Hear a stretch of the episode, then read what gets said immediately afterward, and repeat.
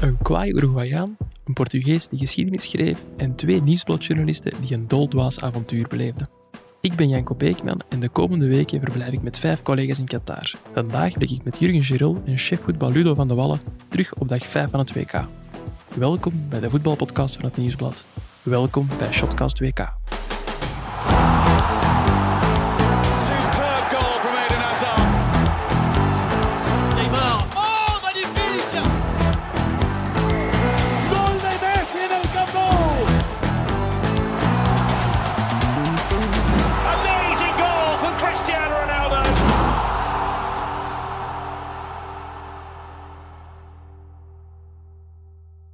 Dag Jurgen. Dag Janko. Jij hebt er eh, een eh, zware dag op zitten, als ik me niet vergis. Ja, een doldwaas avontuur was al eerder deze week, maar vanmiddag was het ook wel van de stoel vallen, letterlijk en figuurlijk. Hoe hè? Ja, we zijn naar de persconferentie van de Marokkanen geweest en dat was toch een, eh, een belevenis, laat ons zeggen. Ja, dat is de tegenstander van de Rode Duivels zondag en jij zit al eens gaan, gaan scouten. Ja, het was persconferentie om zes uur, dus wij waren daar gestipt om zes uur. Maar dat heeft dan nog een uurtje geduurd tegen dat de Marokkanen opdaagden. Toen zaten we met z'n allen in, de, in het mediacenter, Uh-huh. in de frigo eigenlijk, want ja, Ijskoud wellicht. ijskoud, airco. de eh airco, volle bak. En dus ja, was het wachten tot er twee Marokkaanse, Marokkaanse spelers opdaagden. Die zijn uiteindelijk gekomen. Maar eh, de persconferentie was volledig in het Arabisch. dus je hebt er gewoon niks van verstaan. En we wisten ook eigenlijk niet wie de twee spelers waren. Oei, goed voorbereid. Het waren, waren twee- ja, we gingen eigenlijk gewoon in de hoop dat er eh, dat Amala of zo kwam. Ja, bekende El van ons. Kanous. Eh, maar het waren twee invallers. En in het Arabisch hebben we echt niet verstaan wie het waren. En eh, het heeft wel geteld drie minuten geduurd. Drie minuten. Maar Dan, heb je toch kunnen laten vertalen door iemand of zo, die drie minuten. Ja, er is wel een collega, een Marokkaanse collega geweest die het een beetje laten vertalen heeft en ook het nieuws heeft meegegeven. Hakimi is bijvoorbeeld onzeker. Ah, oké. Dus dat hadden we wel mee. Maar na drie minuten was, was eh, de boel, boeken dicht en eh, mochten we vertrekken. Maar het eh, strafste was, we zaten daar al een uur. En op die stoel had blijkbaar een beetje, mijn stoel had blijkbaar een beetje last van metaalmoeheid. Dus ja, in het eerste uur niks gebeurd. In die drie minuten schuif ik achteruit, klap de stoel dicht en donder ik op de grond. Dus in Marokko gaan ze nooit meer vergeten, Jurgen. Wel, als er een camera goed gericht stond, dan ben ik nu de risé van Marokko. Oké, ik ga morgen vroeg die beelden opzoeken. Zeker. Pieter. Jan, die mee was, ging al sinds kapot van het lachen.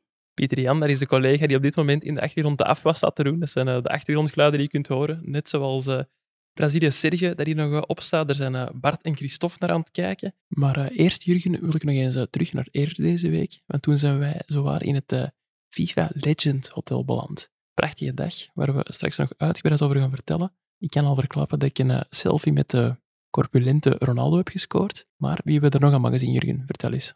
Ja, het was een waanzinnige dag, hè, wat, wat je allemaal kon zien in dat hotel. Ja, we hebben daar op een bepaald moment Roberto Carlos, John Terry, ehm, Iker Casillas, eh, allemaal samen op het terras eh, gezien. En wij zaten er vrolijk naast. Ja, daar hadden we wel een eh, mooie verdediging en een mooie ploeg mee kunnen opstellen. Eh, ik zei het al, Brazilië-Servië staat hierop. Ik heb hier ook eh, onze chef voetbal Ludo van de Wallen bij mij. Ludo, uw toernooifavoriet is tegen mij een Dark Horse aan het spelen. Wie gaat er het eh, slechtste slapen van ons twee? Ja, dat denk ik dat jij dat zult zijn, Janko. Want eh, Brazilië ja, speelt gewoon heel goed. Niet te energiek, dus ze sparen zich voor de volgende wedstrijden. Maar ze hebben gewoon zoveel talent dat ze, het, eh, dat ze Servië van de mat hebben gespeeld. En 2-0 volledig terecht. Voldoen ze een beetje aan uw verwachtingen? Ja, ik hoop dat ze het zo blijven verder doen. En dat ze op die manier eh, met niet te veel energieverspilling eh, tot in de finale geraken. Maar wat ik wel heb gezien, en dat heb ik de vorige keer ook gezegd, denk ik, in de voorbeschouwing, wat mij een beetje verontrust, is dat het weer allemaal zo plezant is bij de Brazilianen. Als ze een doelpunt maken, zitten ze met 22 in een hoek eh, te vieren. En dat is altijd wel het probleem met die Brazilianen. Op een bepaald moment is de focus niet meer zwaar genoeg en dan, dan gaan ze de boot in. Ja. Wie zijn nou de spelers die al het meest hebben opgevallen? Want ik heb niet veel van de wedstrijd kunnen, kunnen zien, omdat ik onderweg was naar huis van eh, Ghana, Portugal. We kunnen niet om eh Richarlison heen natuurlijk. Die Nee. heeft twee doelpunten gemaakt. Het eerste ja, had jij waarschijnlijk ook nog wel gemaakt, maar het tweede was toch wel een heel, eh, een heel knap. Dat was geen Doelpunt. compliment dus. Nee. nee, nee, niet echt. Jurgen, wie is u opgevallen tijdens eh, Brazilië-Servië? Ja, ik heb Neymar, Neymar even bezig gezien bij die eerste goal. De actie dat hij maakt eh, was toch een mooie dribbel. Eh, een typische Neymar-beweging, eh, die dan wordt eh, door een ploegmaat, ik weet niet meer hoe hij het was, op doel wordt geschot en dan de rebound binnen. Maar Neymar is toch wel de man die Brazilië draagt en, en het spektakel verzorgt ook. Je hebt ook al een paar wedstrijden gezien in dit toernooi. Is Brazilië ook uw favoriet? Oh, ik, had, ik hoop ergens ook wel een beetje op, op Argentinië, maar die zijn natuurlijk door de mand gevallen in de eerste, in de, in de eerste wedstrijd. Ja, door de mand gevallen is misschien een groot woord, maar toch verloren. Ehm, ja, en Brazilië uiteraard. Eh, de, de kwaliteit die daar rondloopt is ongeëvenaard, dus die zijn zeker favoriet. Maar ik hoop op Argentinië. Oké, goed. Dan eh, stel ik voor dat we overgaan naar de wedstrijden die vandaag al zijn gespeeld. Straks geven we zeker nog eh, de definitieve uitslag van Brazilië-Servië mee. Daar staat het op dit moment 2-0. De opname zit er ondertussen al op. Ehm, de anderen zijn al gaan slapen. Maar de Braziliaanse bondsdokter heeft net gecommuniceerd dat Neymar een verstuikte enkel zou hebben. Dat hij geblesseerd is geraakt, ja, hoeft ook geen toeval te heten, want eh kreeg liefst eh, negen overtredingen te verwerken. Dat is het meeste van alle spelers op dit eh, WK. Valt nog even te wachten of hij fit geraakt voor de volgende wedstrijd van Brazilië. Dat volgen we met u op.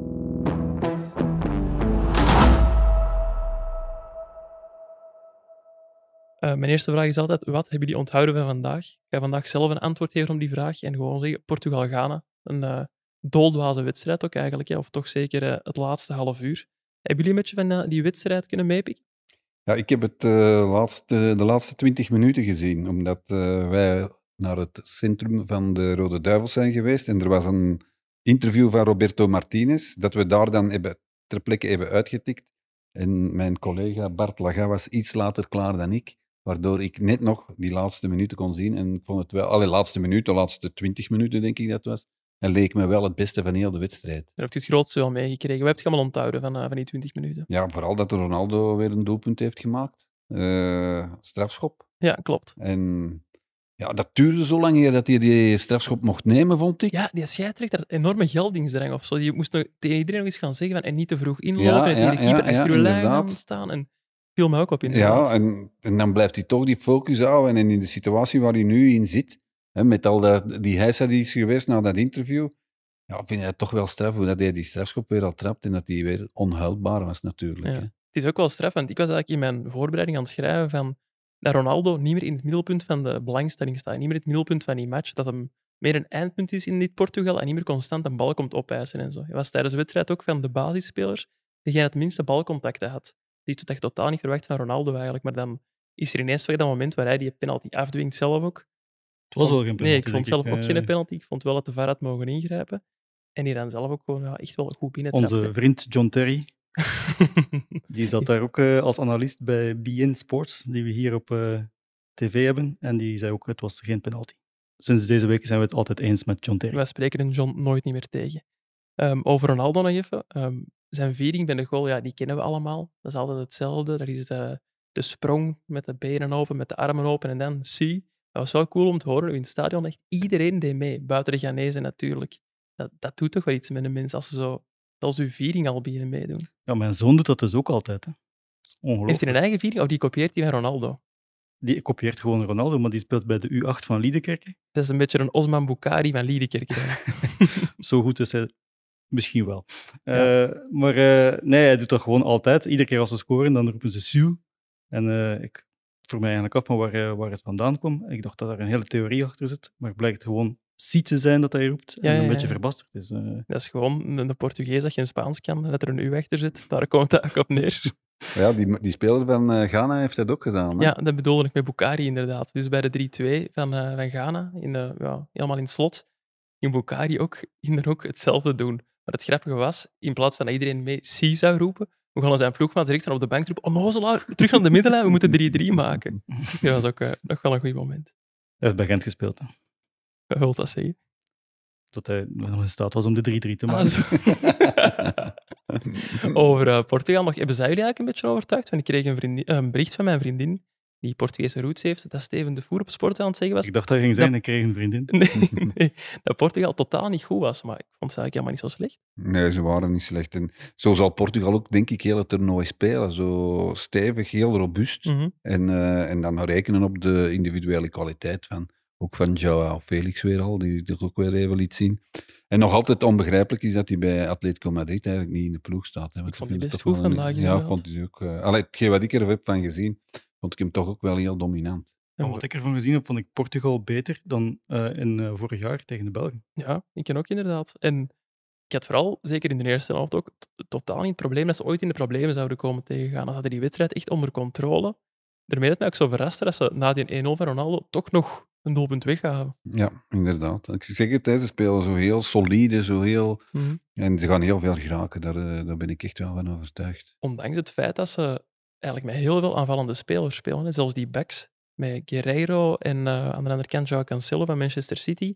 Ja, dat zijn eigenlijk halve middenvelders en aanvallers. Hè. Ja. Joao Cancelo, die wordt daar achterna gezeten door eh, Sergio Gomez natuurlijk. hè. Ja, Bij Manchester Je City. weet wel dat hem echt zijn best moet doen dus om ja, eh, die zijn moet plaats te opgedreven worden.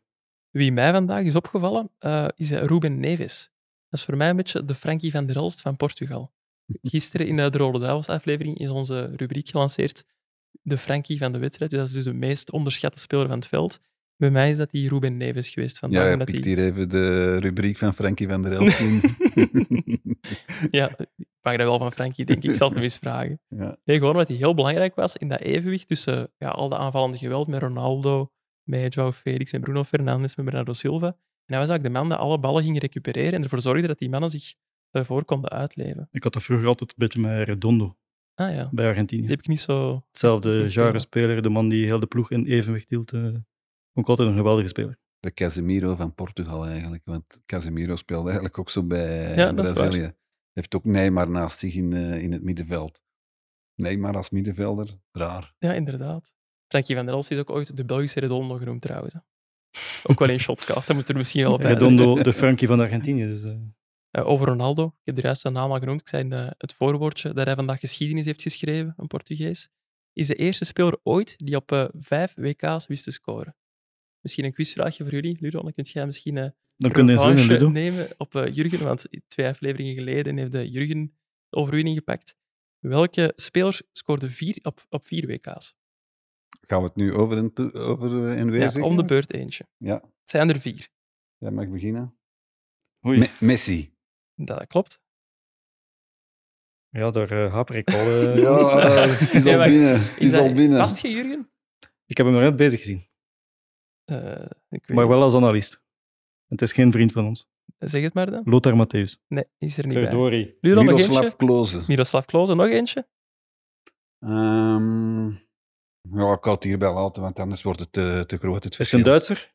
Eh, er is een Duitser bij. bij. Klinsmann? Uwe Seeler Ah, oei. En Pelé. Die heeft ook op eh, vier WK's gescoord. Wat ik me nog afvroeg over de Portugezen, Ludo. Jij hebt nou ooit gezegd van hoe dat jij ploegen eh, afmeet. En dat is, wie zou er in de basis staan bij de Rode Duivels? Ja, Hoeveel zouden er in de basis staan bij de Rode Duivels? Van de ik denk heel veel. Ik denk echt wel op de Bruine, Courtois uiteraard. Na, denk ik bijna iedereen. Negen dus. Ja, je, je hebt er daar net al een paar genoemd, maar je hebt er van achter ook nog Ruben Diaz staan. Dat ook wel eh superklasse, vind ik. Ja, denk negen, behalve de Bruinen en Courtois. En zit dan het meeste over de Portugezen of over de Rode Duivels? Over de Portugezen. Ja, want eh, goed, de Rode Duivels hebben gisteren ook wel, eh, hebben ook wel uw wedstrijd gewonnen. Hè? Janko, waar, niet vergeten. Hè? Ah. Iets minder overschot. Ze hebben evenveel punten als, eh, als Portugal op dit moment. Nee, het zegt veel over, over, over Portugal. En ook wel over de Rode Duivels, uiteraard. Als je me dat vier jaar geleden had gevraagd, dan was Hazard er nog bij geweest. En was er Compagnie ook nog, waarschijnlijk nog bij geweest. Hè. Ja. Als we moeten kiezen tussen Ronaldo en Hazard, dan kiezen we altijd voor Ronaldo. Nee, ik niet. Ik kies voor Hazard. Ik heb het gewoon eigenaardig genoeg nooit gehad voor, eh, voor Ronaldo. Ook niet nu, dat we een traantje heeft weggepinkt tijdens het eh, volkslied. Nee, nee, nee. Nee. Ik, eh, ik vind het fake. Ik vind het allemaal zo fake aan eh, Ronaldo. Maar nu ook, heb ik het er straks ook weer gezien. Als hij van het veld gaat, zit hij gewoon de hele tijd naar dat scherm te kijken. In het stadion, ziet. of dat, hij, of dat hij op dat scherm komt. Je moet daar eens op letten, op televisie. Als hij er iets, of zelfs als hij een vrije trap neemt of zo, zit hij naar dat scherm te kijken. Ah, ben ik in beeld of niet? Ik word daar, ik word daar ambetant van. Messi doet dat niet. Messi doet dat niet. Messi weet nog niet eens waar dat scherm hangt. Dat viel mij ook wel op toen Ronaldo gewisseld werd. We gaan hem weer opnieuw mee te coachen. Hè. Doet hem ook altijd. Hè. Ja, Als hij dan even op de bank zit. Ja, goed, ik kan er niks meer over zeggen, want anders gaan de mensen nog denken dat ik die man haat. Dat is nu ook niet, want ik heb er veel respect voor. Met zijn kwaliteiten heeft hij echt wel het absolute maximum eruit gehaald. Want ik zeg altijd, Hazard kan wat, wat Ronaldo kan. Maar Hazard is, heeft nooit de gouden bal eh, gewonnen, of weet ik veel. En Ronaldo wel, omdat hij Ja. zich echt tot het uiterste altijd als een voetbalprof heeft eh, gedragen. Ja. Ik heb Ronaldo ene keer geïnterviewd. Goh, jij bent echt bevriend met alle sterren, Jurgen? Ook niet overdrijven, maar dat, was wel, dat is wel een bizarre belevenis. Een interview is trouwens een groot woord. Dat was zo door een eh, sponsor geregeld. Ah. En dan konden we met een aantal journalisten naar Madrid. Eh, en er was een film van Ronaldo. Bart is een kleine stunt aan het uithalen. Maar Lagas sloeg een denk ik. Eh, er was een film van Ronaldo die moest gepromoot worden en daarna konden we met een, denk een vijftiental journalisten ehm, Ronaldo spreken. Was in een grote zaal toen dat hij binnenkwam en iedereen mocht één vraag stellen. Ah, En ik weet nog, elke journalist, buitenlandse journalist die daar zat, probeert dus Ronaldo iets te laten zeggen over zijn land. Of over een speler van zijn land. Maar je hebt maar één vraag. ja. En de, de, Duitse journalist, herinner ik mij, die wou toen iets vragen over Borussia, een Borussia Dortmund-speler die net opkwam. En hij vroeg aan Ronaldo, eh, wat, vond u van, wat, wat weet u van eh, Marco Reus? En Ronaldo kende die niet. Dus hij zei, niks.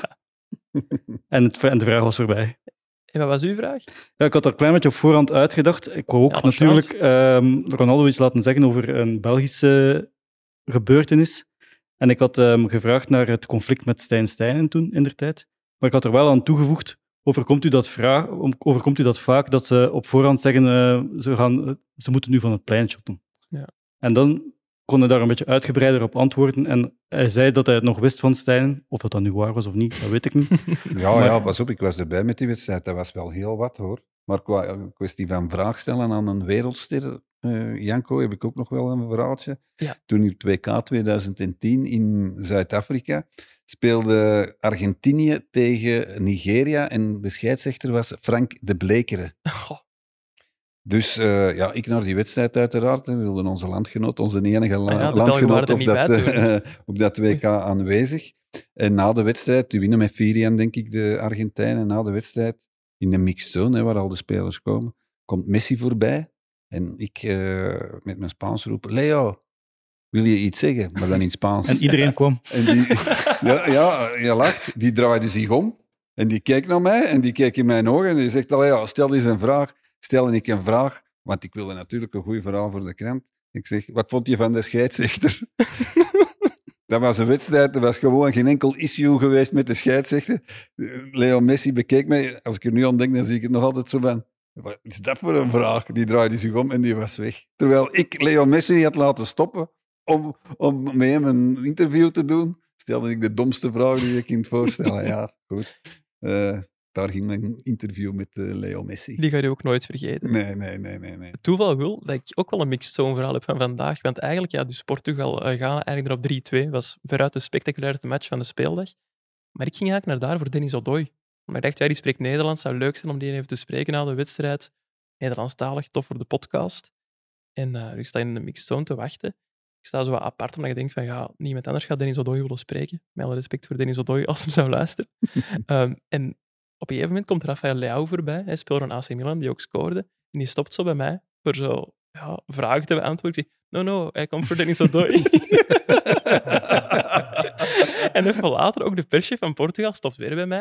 Ik zeg, ja, nee, nee, maar ik, ik heb echt niemand nodig. Ik kom voor Dennis Odoi, ik kom voor Ghana. En ook Osman Boukari wilde ik dan nog iets vragen. Maar ik denk dat hij misschien, omdat ik, ja, ik heb een vrij donker uiterlijk, dat ze dacht dat ik een Portugees of een Spanjaard of zo was. En niet echt een Ghanese, uiteraard. Ehm, maar ik kwam effectief voor Ghana. Leo, stopt. Ja. En, hij wil er nog niks aan vragen. Nu vraag ik mij wel af, nu dat we het even over Dennis Odoi hebben, hoe dat hij in die selectie, hoe dat hij zich beweegt. Ah, wel. Ik, Want die komt daar in de selectie. Plotseling hebben ze ontdekt dat hij, dat Ghanese voorouders heeft. Een jaar of anderhalf jaar geleden. Ja, kom er maar bij. Dat is toch... Allee, die, die kent daar niemand. En ik vind dat er een heel raar gegeven eigenlijk. Ik vraag me af hoe dat hij zich in die selectie beweegt. Zit hij met die mannen te praten? Want ja, eh, de Ghanese taal denk ik dat hij ook niet machtig zal zijn.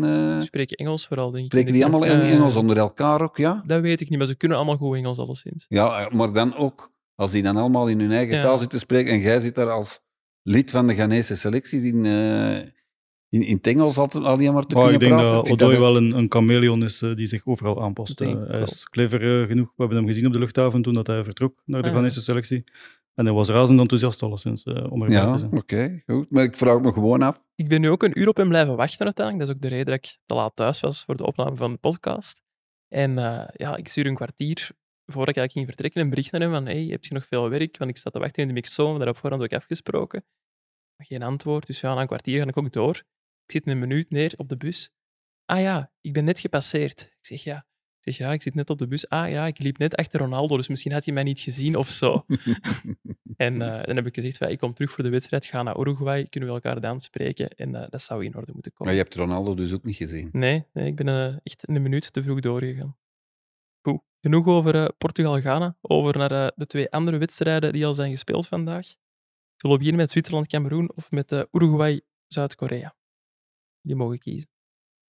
Ja, Zwitserland. Zwitserland, Cameroen was dan misschien nog iets spectaculairder. Ik heb er wel niet veel van gezien, maar ah, daar is toch tenminste gescoord. Voor zover dan een 1-0 spectaculair kan zijn, inderdaad. Ja, maar bij de Uruguay eh, is er blijkbaar maar eh, op, voor het eerst op het kader geschoten na in de blessuretijd. Ja, Dus klopt. hè. Er is niet binnen de palen geschoten. Pijnlijk. Hè. Inderdaad, eerst Zwitserland-Cameroen dus. Wie altijd goed is bij Zwitserland, dat is. Grote toernooien. Xherdan Shaqiri. Dat. die blinkt altijd uit eh, op grote toernooien. Dat was vandaag ook de man die eh, de assist gaf voor de goal van Bril, Bril Mbolo. En die speelt bij het eh, Monaco van Philippe Clement. Ja, en die heeft niet gejuicht. Nee, en dat is omdat hij geboren is in Yaoundé, in Cameroen. Tof weetje daarover. Hij is de eerste speler ooit die op een WK scoort tegen zijn geboorteland. Ah. Dat is nog nooit eerder gebeurd. Ja, ik snap wel, op dat moment snap ik wel dat je niet juicht. Dat is anders dan een ex-club, Dat is toch? een, anders dan een ex-club, dat Ja, vind ik ook. Want inderdaad. tegen een ex-club ju- niet juichen, dat vind ik een beetje flauw. Ja, dat vind ik ook belachelijk. Dat is ook zo'n houding die ze te- tegenwoordig aannemen. Ja, Zo'n Mbokani die scoort dan tegen Antwerpen met Beveren en dan Ja, houdt hij zich kan in. op een duur tegen niemand meer juichen. Allee, ja. Ja, nee, Mbokani, Zinogano is ook zo'n type, die Ja. kan tegen niemand meer juichen. Cameroen vond ik persoonlijk ook niet slecht. Allee, of toch niet voorin. Ze hebben daar een leuke, leuke voorhoede met eh, mannen als Mbeumo, Toko Ekambi en uh, Chopo Moting. Alleen van achter knelt het schoentje, want ze hadden echt wel last om die eh Mbolo in de, in de tang te houden. Nee, maar begrijpen jullie het dat iemand als eh, Michael Ngadeu er niet bij is, de verdediger van A-agent? nee, eh, daar was bij Gent in ieder geval heel veel over te doen. Maar Ja. dat zou iets zijn met die, met die bondscoach of zoiets, dat eh, eh, iets verkeerd heeft gedaan. Ik weet het niet. Maar wat ik spijtig vind, is dat Lam Colzé er niet bij is bij Cameroen. Dat Dat vind ik wel, echt eh, wel heel spijtig. Nog meer goede verhalen opgeleverd voor onze shotcast. Dat was goed geweest voor één match. En Maar dan, had hij, had hij zich dan ook zo gedragen? Dat vraag ik mij. na één match koos hij voor een ander land waarschijnlijk. Zou dat niet de reden zijn dat ze hem niet hebben opgeroepen, inderdaad, omdat ze weten dat het wel eens mis zou kunnen lopen? Ja, en ik moet ook eerlijk zijn, hij heeft nauwelijks gespeeld hè, de, laatste, de laatste maanden. Dus het zou niet logisch geweest, geweest zijn dat hem eh, was. Maar ik had hem zo graag eens in de omgeving gezien eh, van, zijn vaderland. En of dat hij dat dan ook zo zich zo zou aanstellen. Dat, dat vroeg ik mij eigenlijk wel Ja. af. Spijtig genoeg zullen we het nooit weten. Misschien eh, over vier jaar. hè. Denk het niet. ik Denk het niet. Goed, Uruguay-Zuid-Korea. In superveel te blijven. De wedstrijd die op eh, 0-0 eindigde. Heel veel strijd, zoals je wel kon verwachten van een ploeg als Uruguay. Maar ik wou het nog even hebben over eh, Federico Valverde. Want dat is iemand waar jij ook wel fan van. Hè? Ja, Eh, ik vind dat eh, een super complete speler. Die kan voetballen, die kan Ja. lopen, die kan doelpunten maken, die verdedigt. Dat is eh ja, onwaarschijnlijke actieradius dat hij heeft. Dus eh, ja, uitstekende speler. En ik denk toch dat we er nog van gaan horen. Ongelooflijk hoeveel passie dat hij in een wedstrijd kan steken. Er was op het einde van de wedstrijd, ik denk minuut 89, eh, een, een counter van Zuid-Korea en hij doet dan een tackle ter hoogte van de middenlijn. Bal gaat buiten en hij viert echt alsof hij de, de, de wedstrijd heeft gewonnen en de winning goal heeft gemaakt. En dat is ook wel zoiets ja, typisch Zuid-Amerikaans of zo. Ja, en typisch Valverde ook. Het is waar, daar waar hij zijn energie waarschijnlijk altijd uithaalt. hè. Uruguay-Zuid-Korea bevestigde en ontkrachtte trouwens ook eh, twee trends uit deze poolfase. Want jullie hebben het ook al gezien, elke wedstrijd werd er ongelooflijk veel extra tijd bijgeteld. In de eerste helft van Zuid-Korea-Uruguay maar één minuutje. Dat was eh, de eerste keer dat dat zo weinig was. En eh, een andere trend die wel bevestigd werd, de 0-0'tjes. hè. Dat is al eh, de vierde 0-0 in drie dagen tijd. Ja, ik vind het zo'n beetje het toernooi van de uitersten. Je hebt eh, ploegen zoals Engeland 6-2, eh, Spanje 7-0, eh, Frankrijk eh 5-1. En dan aan de andere kant heb je dan al die nulletjes en die, die topclub, top- toplanden zoals Argentinië, die verliezen. Ik vind het echt een, een, een toernooi van uitersten tot hiertoe. En die, zie je daar een, een verklaring voor? Kan dat met de korte voorbereiding te Nee. maken hebben? Eh, Roberto Martinez wilde daar straks ook een verklaring voor geven, maar ik vond dat dat, ja, die zei omdat dat in het midden van het seizoen is. Zou dat er nu echt iets mee te maken hebben? Ik denk dat niet. Oké. Roberto Martinez, dat eh, brengt ons naadloos bij onze volgende rubriek. Oh, scalpel? Scalpel, alstublieft. Ja, ja, penalty! Als zij spelen, speel jij. Bet live op ladbrokes.be. Gok met mate. De Dag van de Duivels. Ludo, jij bent vandaag in het eh, Hilton Salwa Beach Resort geweest. We maken nogal een reclame voor die mensen door telkens die naam te vermelden. Dat is het eh, basi- basiskamp van de Rode Duivels. En wat was daar exact te doen? Geen persconferentie, maar wel een informele babbel, een interview? Nee, het was niet informeel, want Nee. dan zouden we het natuurlijk niet kunnen publiceren. Nee, dat is waar. Het was eigenlijk een, een omzeilen van de officiële persconferentie. Omdat je, als je een officiële persconferentie doet, moet je dat rapporteren aan FIFA. Ja. En dan komt dat op de website van FIFA voor de journalisten. En dan weten de journalisten van Mali, van eh, Zuid-Korea en van, eh, van Chili, weten dat er een persconferentie Ja. is. Als je dat niet doet, als je daar geen officiële persconferentie van maakt, dan kan je gewoon uitnodigen wie je wil. En vandaag was dat eigenlijk alleen de Belgische pers die was uitgenodigd, plus een journalist van L'Equipe. Maar die volgt de Rode Duivels al acht jaar, sinds het WK in, eh, in Brazilië. Dus ja, dat is eigenlijk al een halve Belg geworden. Dus wij zaten er eigenlijk alleen maar met Belgische journalisten, waardoor we geen vragen kregen van is dit de laatste kans van de gouden generatie? Hoe gaat het met, eh, met Eden Hazard, want hij heeft niet veel gespeeld bij Real Madrid. Dat we eigenlijk gewoon onze vragen konden stellen, wat we dan ook hebben gedaan. Maar de antwoorden waren niet echt eh, spectaculair. Nee? Ik ik had allee, ten eerste wel mooi, een geste naar de Belgische pers eigenlijk van de, van de voetbalbond. Maar dat vroeg ik mij dan wel af, van, is hem dan op zo'n, in zo'n kleinere groepje iets opener dan op zo'n Ik persconferentie? herinner of me, in Rusland is dat ook eens gebeurd en dat was voor de wedstrijd tegen Brazilië. En toen was dat beter, veel beter, omdat je toen echt ook een focus had met, eh, met die wedstrijd tegen Brazilië. was ook in een veel aangenamere setting. Dat was zoals dat wij hier eigenlijk zitten. Eh, Roberto Martinez zit daar eh, op, op, op een sofa en wij zaten er rond met een stuk of zes, zeven journalisten, ook op een sofa. En dan werd er eigenlijk heel relaxed gepraat. En dat was veel beter. Vandaag was het weer zo op dat spreekgestoelte en eh, ook met zeven journalisten. Maar er was ook vandaag zo geen focus om iets over, over te vragen, vond ik. Moesten we, moesten we het nu nog over die wedstrijd van woensdag hebben? Hij heeft daar, hij heeft daar wel veel over, over verteld, maar ik denk dan aan de lezer en ik denk, ja goed, we brengen dat dan eh, pa- pas vanavond eh, online, donderdagavond online, en Mhm. vrijdag staat dat pas in de krant. Ik denk dat de mensen dan aan bezig zijn met de wedstrijd van Marokko. Dus ik vond het niet... Allee, er waren verschillende redenen waarom dat het niet zo goed was als eh, vier jaar geleden in Rusland. Oké. Wat ik wil weten, richting zondag, krijgt Amadou Onana een basisplaats? Heeft hem daar iets over gezegd? Dat is een vraag die precies op dezelfde manier is gesteld. Heeft hij op zijn Roberto Martinez geantwoord, dus niet op de vraag geantwoord. En gezegd gewoon van, ja, we hebben veel verschillende middenvelders. Hij Ja, heeft die dat- ze allemaal klopt. genoemd. Van Aken heeft hij genoemd. Wat opvallend was, ja, dan Tielemans en Witsel uiteraard. Wat heel opvallend was, hij noemde ook de Donker erbij. Ah, Oké. Hij noemde dus niet de Bruine erbij. Dus de Bruine zal waarschijnlijk voorlopig enkele wedstrijden zeker niet naast Witzel nog gaan spelen.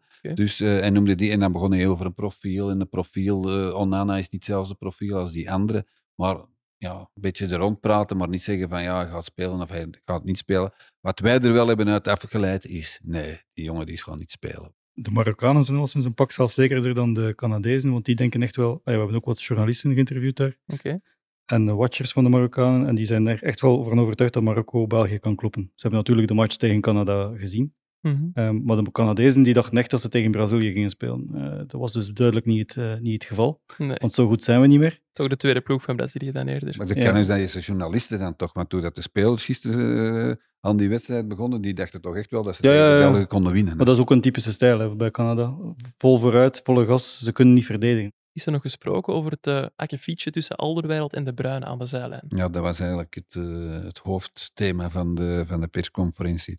Waar dat eh, Roberto Martinez er ook weer is heeft rondgedribbeld en heeft gezegd van ja, dat is logisch, die frustratie. En, eh, want eigenlijk is, is hetgeen wat wij denken, wat, wat, wat ik denk toch, is dat Thibaut Courtois en De Bruyne, dat zijn de twee meest kritische eh, rode duivels altijd na Mhm, een slechte mhm. prestatie, dat die het zo gewoon zijn om op een hoog niveau te spelen, met, met spelers, Manchester City is sterker dan eender welk landen, landenteam. En dat, dat Kevin De Bruyne het soms lastig heeft met Batshuayi die zijn bal verliest. eh, dingen die tactisch niet goed, niet, niet goed worden opgevolgd. Gewoon ja, omdat je met Pep Guardiola natuurlijk met de beste coach ter wereld zit. En hij speelt daar met Bernardo Silva, hij speelt daar met Mares, eh, noem maar op. Als je die mannen een bal geeft, die krijg je terug of die zijn ze niet kwijt.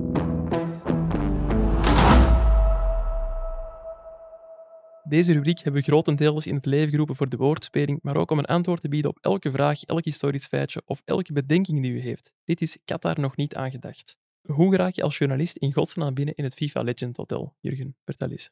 Ja, dat was wel een, av- een avontuur ook.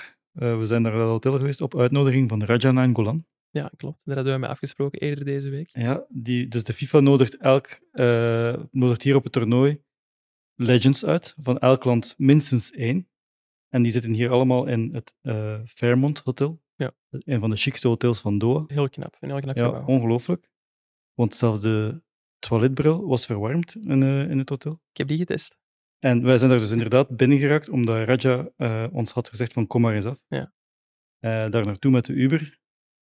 En dan gedacht van, ja, hoe gaan wij hier in godsnaam binnengaan? Want daar stond overal beveiliging, security.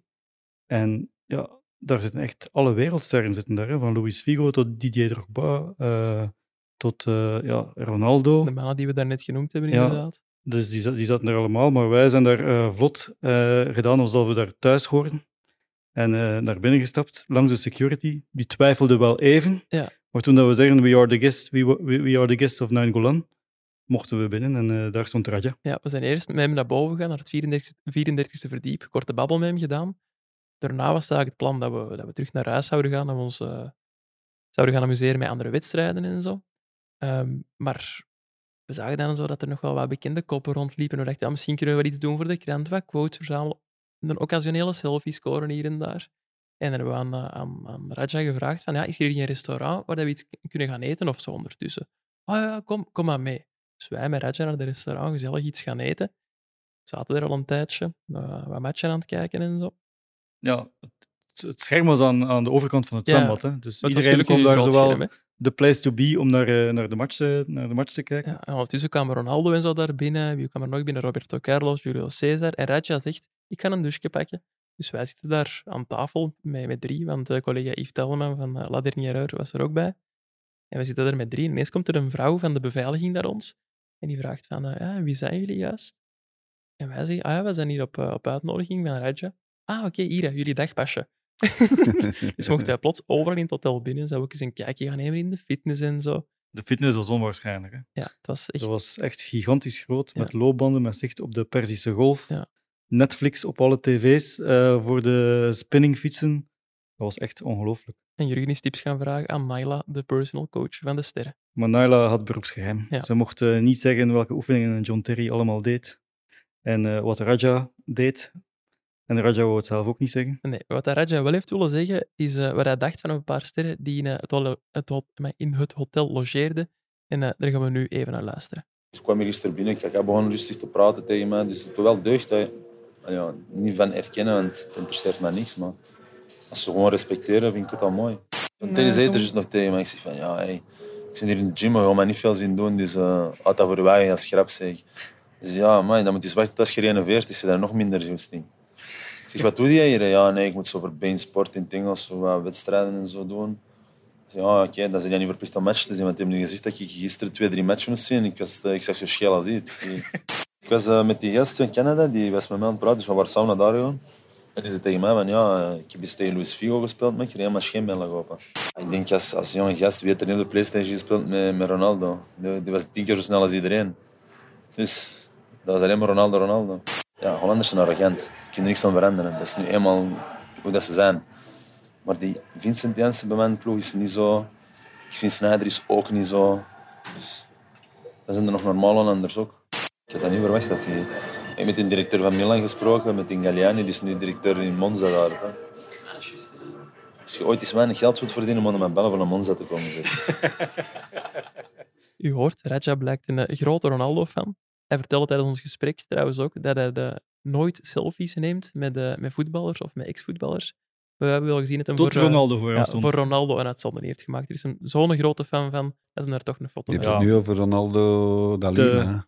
De, Ja, de grote Ronaldo. Ronaldo. over Ja. de Braziliaanse Ronaldo, zullen we zeggen. Ja, Maar inderdaad. Ronaldo, echt, als die binnenkomt, dat is toch ongelooflijk nog altijd. Ja. Al die hoofden die draaien, terwijl daar zat echt wel, was gewoon volk, maar die kwam daar binnen, ja, is redelijk zwaar, laat ons zeggen. Ja. En dan ja, de manier waarop dat hij binnenkomt, hoe dat hij, zich- hoe dat hij verwelkomd wordt als een soort van, van koning met zijn gevolg en daar dan, dan gaat zitten. En dan iedereen, je ziet iedereen gewoon denken, zouden we het hem vragen, zouden we het hem vragen, om gewoon die selfie eh, te kunnen eh, pakken. En, eh, En hebben jullie uiteindelijk- er een? Ja, wij zijn eerst gegaan. Mr. Ronaldo, can we take a picture? Maar- hij was heel Ja, vriendelijk. super sympathieke Ja, mensen. en echt eigenlijk waar. al die mannen. De enige die allee, op mij het minst sympathiek overkwam, dat was Iker Casillas. Dat, dat vond ik jammer, want ja, ik heb veel sympathie voor de Spaanse nationale ploeg, maar bij mij was het wat tegen zijn goesting. ja, Iker, ja, we aan hadden de iets winkel. vragen over Courtois, maar dat, dat was geen optie. Maar op, op zich, uiteindelijk heeft hij toch ook bij ons op het terras gezeten. Ja, dat is waar. En eh, ik kon echt meeluisteren met wat, wat die allemaal aan het vertellen waren. En wat vertelden ze? Ja, op een bepaald moment waren ze echt bezig over eh, de ruzie tussen eh, Martinez en Nainggolan. ja? Eh, daar, daar, dat was het thema en dat vonden ze heel grappig. Terwijl dan Nangolan er niet Nee, zat. nee, die was toen wel weg. Ja, Maar ze kenden die dus eigenlijk wel. ja veel mannen herkenden die wel. Ze. Ja, en ze spraken ook niet over Roberto, maar Robert, Robert, Robert Martin- Martinez. Hm. Misschien mogen zij Robert zeggen. Dat mogen wij nog niet verlopen. hè. Nee, Ja, wij hadden toch- het nog verloren op, op, op Robbie. Hè. Of Bob. Ik zei op het einde toch Iker. Echt een vriend van de sterren, Jurgen. Heeft u ook nog een eh, vraag voor Kat nog niet aan gedacht? Stuur ze dan door op Twitter, Instagram of naar shotcast.nieuwsblad.be en dan gaan wij door naar onze afsluiter. Ik zal eh, ondertussen nog eh, de uits- einduitslag van Brazilië meegeven. Er is de 2-0 gebleven. Eh, mannen, dan stel ik je dezelfde vraag als altijd. Wat staat er voor jullie vandaag op de planning? Ja, we gaan eh, nog naar de Rode Duivels uiteraard, want daar is het persconferentie. Eh, Kevin De Bruyne komt, dus het zal wel nog eens over het eh, conflictje met Alderwereld gaan. Ja. En hoe dat moet bekeken worden. En daarnaast komt ook eh, Amadou Onana. Kunt je vragen hoe jammer dat hij het vindt dat hij niet zal starten tegen Marokko? Ja, maar dan kennen we het antwoord. Ja, ik weet het niet, want de coach heeft het nog niet tegen mij gezegd. Dus Ja, ik zou hem zetten. Ja, Pieter Jan ook, te denk zijn. ik. die Pieter Jan ook knikken van Onana zetten.